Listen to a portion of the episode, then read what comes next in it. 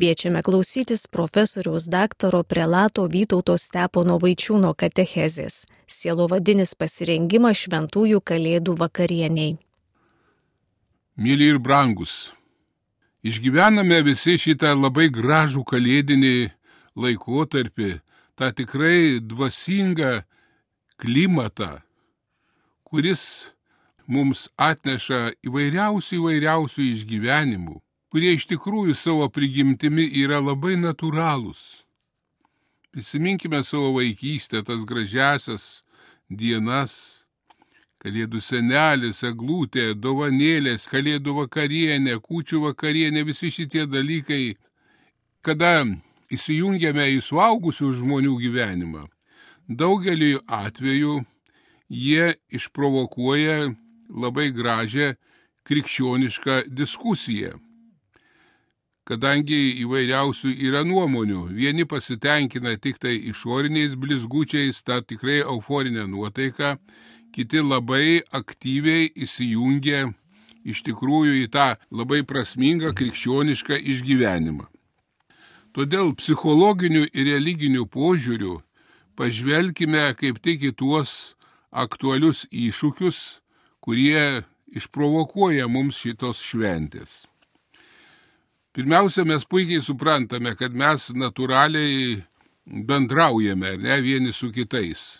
Štai kodėl atsiranda ypatingas gebėjimas menas kalbėtis. Juk puikiai suprantame, kad pagrindas žmonių visam bendravimui yra kalba.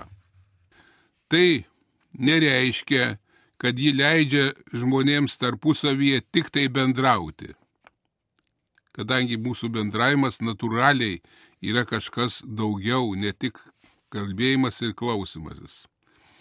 Tačiau dažnai kalba yra, pasakytume, ir menas, kuris užvaldė ne vieną asmenį. Jį gali pakviesti, išspręsti ne vieną kartais ir labai sunkę situaciją, nors kartais ir labai didelėse šventėse. Todėl labai labai svarbus yra neveidmainingas bendravimas. Tad pažvelkime arčiau į vigiliją prieš kalėdas, ypatingai kūčių vakarienę, į susibūrusią didesnę ar mažesnę bendruomenę, kada susirenka patys artimieji, kada mes tikrai pakviečiame tuos, kurie neturi namų, kurie įsijungia į mūsų gražią krikščionišką bendruomenę. Šalia šių nuostabiausių tradicijų, kučių papročių, kurių į mūsų liaudyje labai yra susiformavę įvairiausių, dar yra ir tokia nuo vaikystės atėjusi, pasakytume, pasaka, kada kūčių naktį gyvulėliai kalba žmogišku balsu. Todėl senovėje ir buvo paprotys dalelę kalėdaičio plotkelės, nunešti ir gyvulėliams. Žmonėms atrodė, kad jie taip pat kažką nori mums pasakyti. Tad ir kaip vertintume tokią buvusią tradiciją, tačiau ji mums atskleidžia labai įdomią ir gilę mintį. Kūčių vakarienės metu paprastai dalinamasi ir kalbos yra prisuotintos daugiausia gėrių ir šiluma, nes tokiais atvejais kažkaip kartais žmonėms ir kieto širdies, kaip vadinam, nepatogu kažką negero kalbėti.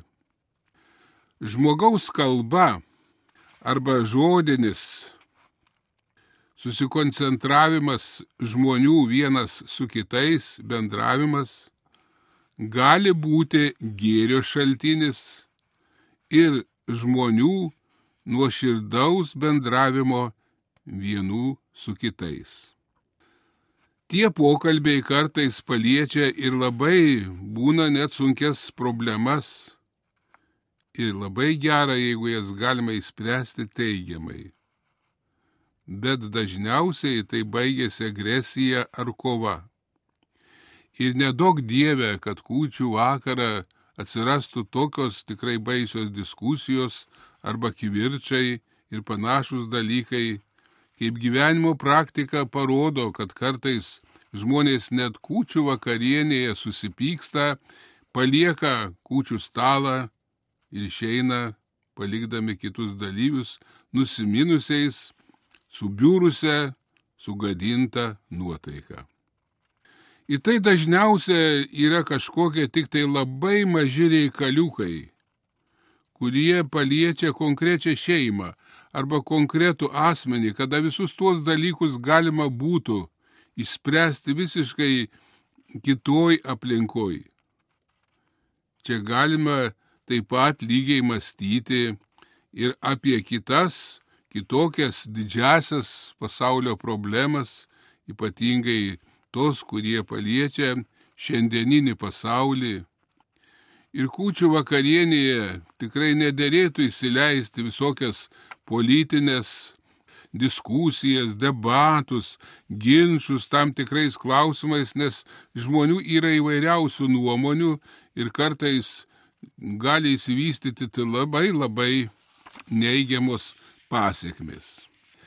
Štai kodėl mums labai svarbu yra pamastyti apie kiekvieną mūsų žodį, kurį mes ištarėme savo gyvenime. Žodis žmogaus lūpose kaip tik ne tik tai gali būti, bet yra jo reprezentacija. Žmogaus minčių, jausmų, linkėjimų ar kažko laukiamo taip pat iš kitų žmonių atsako. Tai yra natūralu. Pasirinkdamas atskirus žodžius, žmogus turi galimybę perduoti kitam žmogui skirtingą turinį, ką jis nori pasakyti. Ir dažniausiai žmogus nori pasakyti tai, kas atrodo jam svarbiausia. Ir ypač tam, į kurį jis kreipiasi. Jis laukia iš jo atsakymų ir žinoma dažniausia pritarančių teigiamų. Ir jeigu tokie žodžiai yra pilni kartais nepykantos, net su keiksmažodžiais, kitokie dalykai, vėl ypatingai sujaukia ir klausančiojo smegenis, jo vidinį pasaulį ir štai gali tokie žodžiai kartais labai skaudžiai sužeisti. Žodžiu galime pasitairnauti įvairiais būdais ir įvairiais tikslais. Kiekvienu ištartų žodžiu sakiniu perdodam mes natūraliai kitam žmogui kažkokią žinę, kažkokią įvairią informaciją. Tačiau žodžiais galime išreikšti ir džiaugsmą, dėkingumą, pyktį arba kažkokią kitokią emociją, nes žmonių pasaulis, vidinis pasaulis yra labai skirtingas. Dar yra pagirimo žodžiai arba kritika, kurie dažniausiai taip pat tie pagirimo žodžiai ne visada yra teisingi. Juk žmogus natūraliai jaučia, ar jis yra giriamas iš tikrųjų už jo nuopelnus, ar giriamas dėl to, kad jam pataikaujama, norima kažkaip įsiteikti ir tada žmogui atsiskleidžia veidmainystė arba nedaug dievė, kai prasideda kritika. Iš tos kritikos perauga į blėtkus, išmeištus ir panašius dalykus. Kartai savo žodžiais mes parodome rūpestį kitų žmogumi. Atkreipiame dėmesį į jo svarbiausią to meto vidinę problemą. O kartais kito žodžiai iššaukia ir tam tikrą atsargumą mes turime būti budrus, nes jeigu pasiduosime ir įsivelsime, vėl kils ne tik tai diskusija, bet gali atsirasti ir žaibai. Ne vieną kartą žodžiai yra taip pat pilni ir įvairiausių skundų, įžeidinėjimų, nepadorumų ir prakeiksmo. Nedaug dievę, kad prie kalėdus, prie kučių stalo atsirastų tokios diskusijos, įžeidinėjimas vienas kito, arba paprasčiausia, sakykime, oi, tu mane labai retai lankai, retai atvažiuoji, iškart žmogus kartais nepagalvojęs padaro tokį priekaištą ir prasideda toj susierzinimas ir panašus dalykai.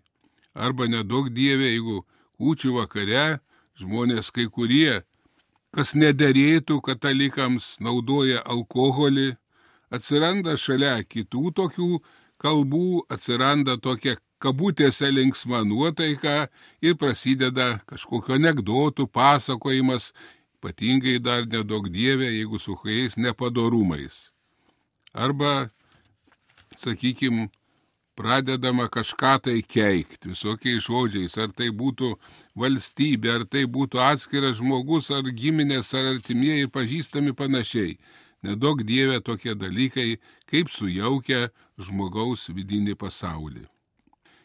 Dar viena žodžio rūšis tai gali būti parašyta žodis, kada jis įvairiais būdais, kadangi yra įvairiaus turinio, jis tampa nešiotoju, kadangi parašytą žodį gali skaityti didesnė ar mažesnė auditorija. Bent jau atskiras žmogus, kam yra tas parašytas žodis skirtas. Ir žinoma, kadangi Senas yra posakis lotiniškas skripta manent, kad raštai pasilieka. Ir kartais neatsargiai parašytas žodis, jis gali pasitarnauti ateičiai kaip labai neigiamas turinys, kuris primintų žmogui įvairius buvusius nemalonius įvykius. Lygiai parašytas žodis gali būti netuščia panegyrika, bet labai prasmingas ar įspėjimas, ar patarimas, ar pagaliau pažadas, pavyzdžiui, sakykime, pasimelsti už kitus. Štai kodėl naudodami žodžius mes naudojame tam tikrą taip pat ir intonaciją. Reiškia, kaip tie žodžiai yra pasakomi. Galima juk tą patį sakinį naudojant kitą intonaciją visiškai išreikšti kitą tikslą. Štai tokia anegdotinė situacija, ne? Sako, įžeidė vienas kitą ir sako, tu, reiškia, šito atsiprašyk. O kaip sako, aš turiu jo atsiprašyti? Sako, paprasčiausia pasakyk, kad ten, Jonai, tu esi geras žmogus, bus tavo atsiprašymas. Nu gerai, tas susitiko ir sako, atsiprašau, Jonas yra geras žmogus, atsiprašau. Mato, tie patys žodžiai, bet reiškia intonacija, reiškia visiškai kitą turinį. Arba žodžiai gali turėti tam tikslą gyvenime, tokį tikrai vienokį ir kitokį tikslą, dėl ko mes to žodžius pasakome. Ar mes norim pamokyti kažką, ar mes norime įspėti, ar paprasčiausia gali būti moksliniai žodžiai, ar ne, kažkoks turinys įvairiausi, įvairiausi gali būti žodžiai. Reikia prisiminti, kad ištardami žodžius prisimame ir šitų žodžių pasiekmes ir svarbiausia atsakomybę už savo pasakytus žodžius, o ypatingai už parašytus žodžius. Štai kalbant apie žodžius, mums atsiveria kita galimybė pamastyti apie mūsų kalbas. Žmogaus kalba yra ištartų žodžių rinkinys. Ir mes ne tik tai literatūriškai galime tą žodžių tvarką labai gražiai sutvarkyti, kad būtų jie tikrai ištarti pagal visas gramatikos, sintaksės ir panašiai priemonės. Bet jis tas rinkinys turi turėti ir labai svarbų turinį. Jis gali turėti labai įvairių formų nuo labai oficialios kalbos iki iškalbingos labai. Pavyzdžiui, skaitant kažkokį iškilmingą mokslinį pranešimą, iki tylios specifinės kalbos, pasakytus savo mylimajam asmeniui. Tai štai kučių vakarienėje mes taip pat kalbamės. Ir va, mūsų kalba ir kaip tik pasireiškia vienokiu ar kitokiu prisitlietimu prie visos šitos bendruomenės. Kalbantis žmogus turi prieš akis konkrečius klausytojus. Komunikacija tarp jų juk ir vyksta tarpusavėje vieni su kitais. Vieni kalba, kiti tyli, tai yra natūralu. Yra pats baisiausias dalykas, kada neleidžiama žmogui kalbėti ir įsijungia antras, trečias ir paskui kažkoks gaunasi chaosas. Yra gyvenime jų kompetitingi kalbėtojai, kurie labai atsakingai ir labai kultūringai moka su kitais bendrauti. Yra ir tokių, kurie sugeba suinteresuoti kitus ir patraukti paskui save klausytojus. Ypač tokią kūčių vakarienę labai naudinga pakalbėti tą brangiają temą, kalėdinę temą, ne tik tai apie kalėdų senelį, apie glūtę ir panašius, apie tos džiaugsmus praeinančius, bet taip pat apie kalėdų prasme, kad reiškia žmogus suprastų, kad santykis tarp gimusio kūdikėlio ir kryžiaus labai yra artimas, kas yra ta iš tikrųjų kalėdinė prasmė. Ir štai čia kompetitingi kalbėtojai gali labai labai sudominti klausytojus ir esančius, bet žinoma su neatsargumu nepasidaryti kučių vakarienę kažkokiu pamokslininku tik tai ir neleisti kitiems įsijungti į tą tikrai gražią kalėdinę nuotaiką. Tačiau yra tokių, kuriems atrodo, kad jie kažką ypatingai nori pasakyti. O iš tikrųjų, kaip liaudis sako, yra nūdos, nuobodus. Arba dar baisiau sunervuoja klausytojus. Jie savo nekompetenciją ir tokie žmonės dažniausiai neturi savikritikos. Jie nori daug kalbėti, daug kažką pasakyti ir štai atrodo, kad kitas nežino, o aš tai žinau, viską pasakysiu ir labai labai visi adėmiai manęs klausykit. Iš tai iš mūsų tos kalbos, reiškia, išeina tas iš tikrųjų diskusija pokalbis. Daugelį atvejų tai aišku yra dažniausiai dviejų asmenų pokalbis, taip susitinka du žmonės ir kalbasi. Kūčių vakarieniai taip pat dalyvauja ne vienas. Reiškia, pokalbio šaknis išeina iš graikiško žodžio dialogos, kuriuo galima suinteresuoti, kaip abipusiais žodžiais pasikeičiama. Juk ant to ir remiasi ant to pagrindo visas mūsų pokalbis. Pasikeitimas žodžiais, kurių tikslas yra kažką įsiaiškinti, suartėti vienam žmogui su kitu. Taip suprasta kalba yra menas, kuris retai kam yra natūrali žmogui duota dovana. Paprastai žmogus turi mokytis to meno. Ypač didelis menas yra įspręsti pokalbio metu sunkius reikalus, problemas, ginčytinus dalykus.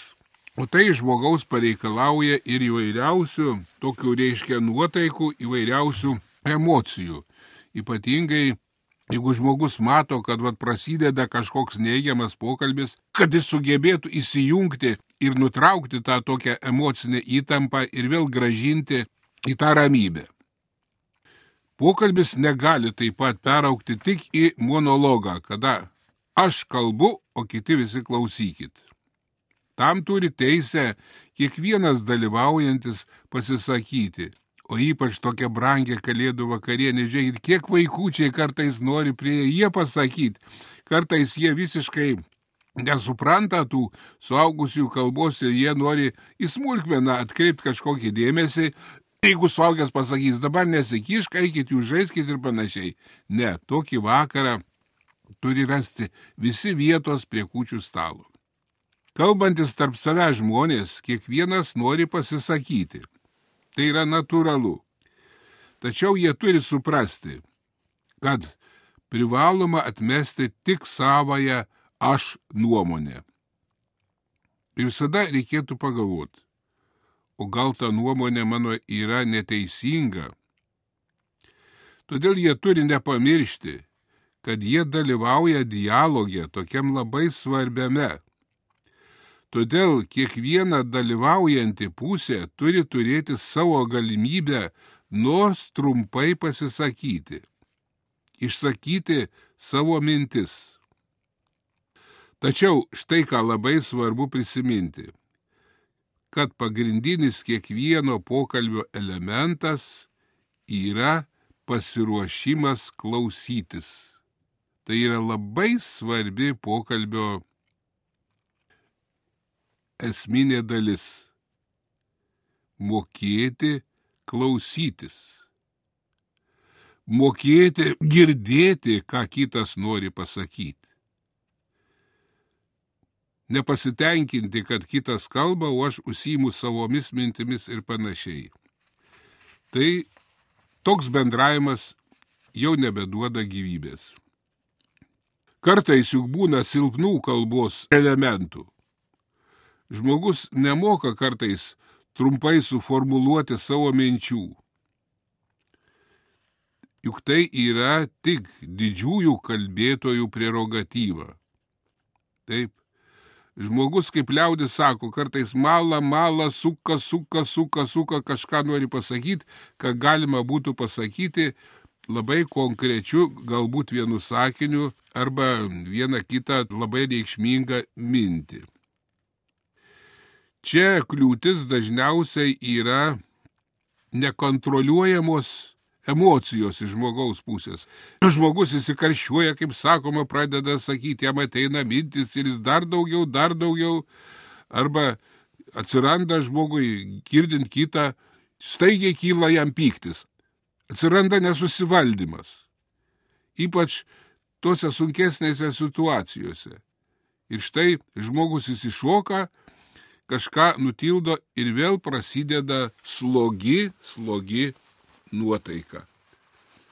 Reiškia, iš to ir kyla labai svarbi problema - nemokėjimas klausytis.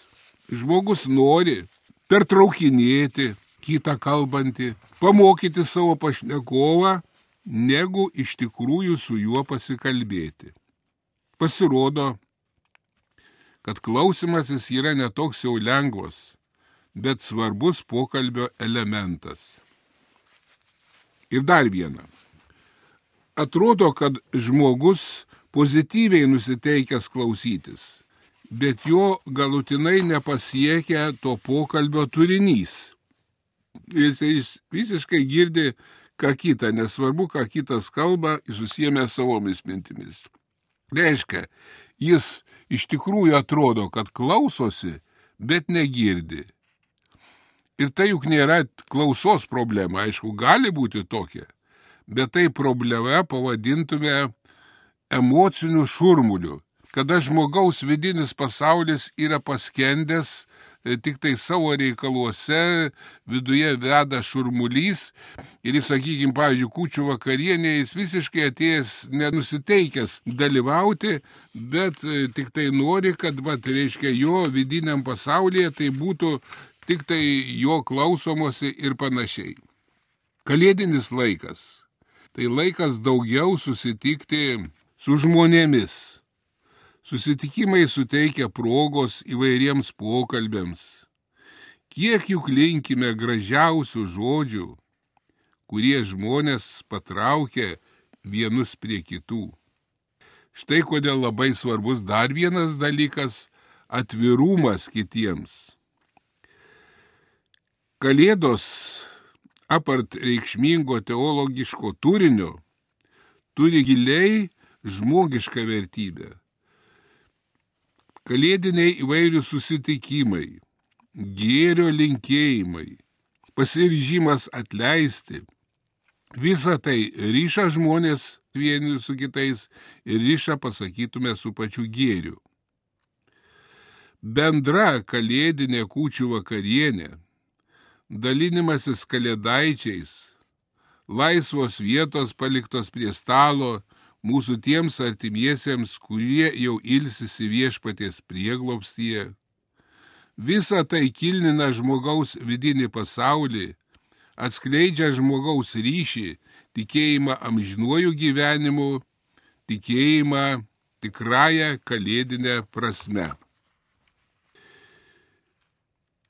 Kadangi kiekvienas toks jautrumas yra švelnumo šaltinis, centrinę vietą krikščioniškoje ikonografijoje kalėdų centrinę vietą užima Jėzaus ir Marijos atvaizdai. Aišku, paskui dar dalyvaujantis kiti žmonės ir gyvulėliai ir panašiai. Esminis emocionalus ryšys atsirandantis tarp motinos ir kūdikio, jos mažytis kūdikėlis. Ir ji pilna jam jautrumo, rūpešio, pasiruošusi pasirūpinti visais vaikystės rūpešiais, nes atėjo žmogus, neįlinis žmogus, bet Dievas.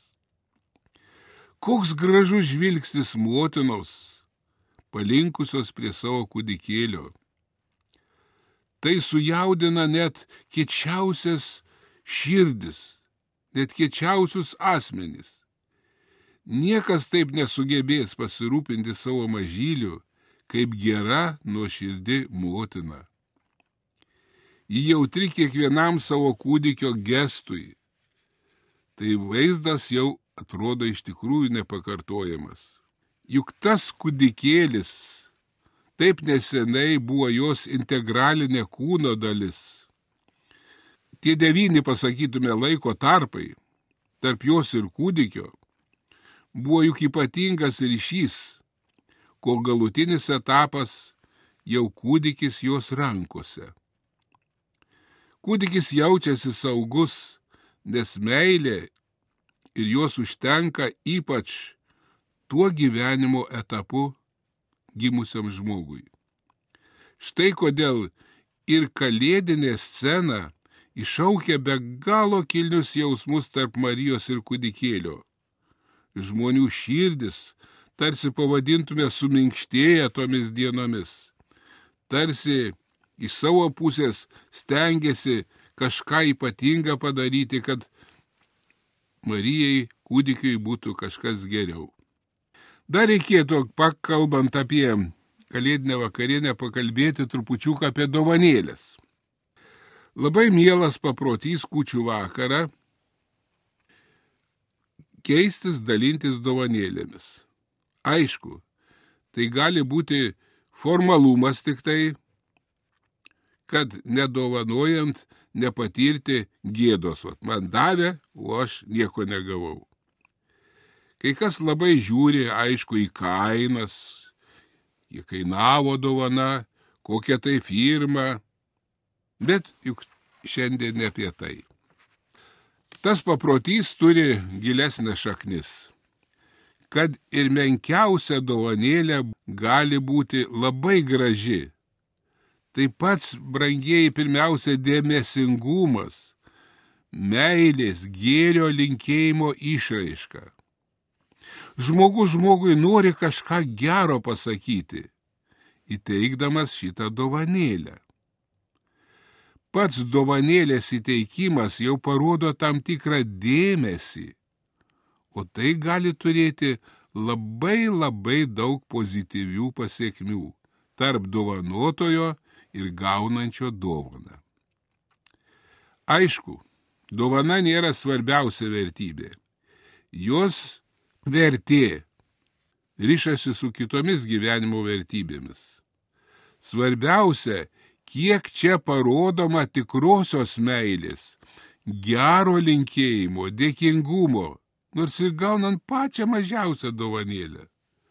Dar yra kitų daug svarbesnių vertybių, kurios yra nematerialios. Ypatingai nepamirškime tos dovanos kalėdinės, kad mes ne tik tai susirinkę kučių vakarieniai baigę ją, kartu melžiamės, bet taip pat ir patys pasimelsti ypatingai tomis gražiomis intencijomis, kurios tikrai dėrėtų šį vakarą, ar tai būtų gyvėjai mūsų, ar mirusieji. Todėl ta pavadinkime prekė dovanėlė turi būti ne iš parodų kažkokių vitrinų. Jų gražiausios parduotuvių, hipermaksimų vitrinos yra pilnos įvairiausių prekių. Ypač jos labai spalvotos, akinančios savo patrauklumu. Visos jos, aišku, turi tarnauti žmogui. Ir juk paprastai tarnauja, tam yra sukariama visa ta sistema. Tai didžiulė kartu reklama ir kartu rinka. Aišku, neneigdami jų vertės, atkreipkime dėmesį į keletą deficitinių prekių, kurių neverta ieškoti parduotuvių vitrinuose. Čia kalbama apie žmogišką gero linkėjimą, šypseną, nesuinteresuotus gestus vienas kitam. Čia kalbama apie tai, kas žmonėms iš tikrųjų yra gera būti vienas su kitais. Gera pamatyti, gera pasidžiaugti, galbūt ir senai jau matėmės vienas kitą. Tų prekių vertė ir tų dovanų negali vertė būti matuojama eurais. Tai būtų pats negarbingiausias dalykas. Aš gavau ten už 10 eurų, o man padovanojo tik už 1 eurą. Tai būtų labai, o nedaug dievė, jeigu tai dar žodžiais būtų pasakoma. Nesakome, kad tai nekaštuoja. Atvirkščiai. O kartais ir labai daug. Nes kartais žmogui sunku atsiplėšti nuo kasdienybės, nuo kasdieninių rūpeščių. Ir kartais kiek mažo gero linkėjimo, šypsenų, nesuinteresuotų gestų. Ir kartais atrodo, kad tai tik tai žmonių bendravime deficitinė prekė. O gal, kalbant ne apie tas materialinės dovanas, gal ir yra per brangi. Kaip aš galiu jam nusišypsot, kaip aš jam galiu būti geras, jis man buvo toks toks. Meldžiu kasdien viešpatie, atleisk, kaip ir mes atleidžiame savo kaltininkams. Bet net kūčių vakarienėje nesugebu atleisti. Nekalbu aš jau apie išpažinti. Pamastykime, brangieji, kiek turėjome įvairiausių progų, kur galėjome būti atidesni, pastabesni, numetę šalin savo puikybę, nekreipdami dėmesį į savo titulus, išsilavinimą, kas kitiems galėtų pasirodyti net veidmainiavimas, bet juk turėtų būti nuoširdus, iš tikrųjų tikras, nesuvaidintas gėrio linkėjimas ir mūsų visi šventiniai poelgiai. Kalėdinė atmosfera turi suminkštinti mums kiekvienam širdį. Ir turi paskatinti mus kiekvieną daryti gerą. Žiūrėkim, popiežius mūsų pranciškus, labai prasmingai pasakė, kad kalėdose pasirūpinkim ne tik tai dabar šiuo momentu vienas kitam kažką padovanot, galbūt praleisdami materialiai kuklesnėmis dovanėlėmis, galėtume prisidėti prie tų, kurie kenčia karo nelaimės, sunkumus kad jiems kalėdos būtų bent trupučiuką džiaugsmingesnės. Parodyti daugiau meilės vienas kitam. Todėl tokią nuotaiką, kurią susikursime kalėdų vakarienės metu, dažniausiai perauks ir į mūsų kasdienybę, į daug dievę, kad jį tęstusi tą nuotaiką į visus metus šitokių brangių minčių ir tokių gražių linkėjimų linkiu visiems čia besiklausantiems, kad kalėdų šventės būtų iš tikrųjų to gražaus krikščioniško džiaugsmo, krikščioniškos vienybės, krikščioniškos meilės Dievui, žmogui, kiekvienam žmogui sutiktam pasaulyje. Štai kur yra tikra krikščionybės esmė, štai kur yra tikrasis žmonijos pasikeitimas ir žaigimas tikrosios taikos keliu. Kol nebus ramybės žemėje mūsų pačių širdyse, mums sunku tikėtis ramybės ir iš kitų. Pamastykime apie tai. Kalbėjo profesorius daktaras prelatas Vytautas Steponas Vaičiūnas.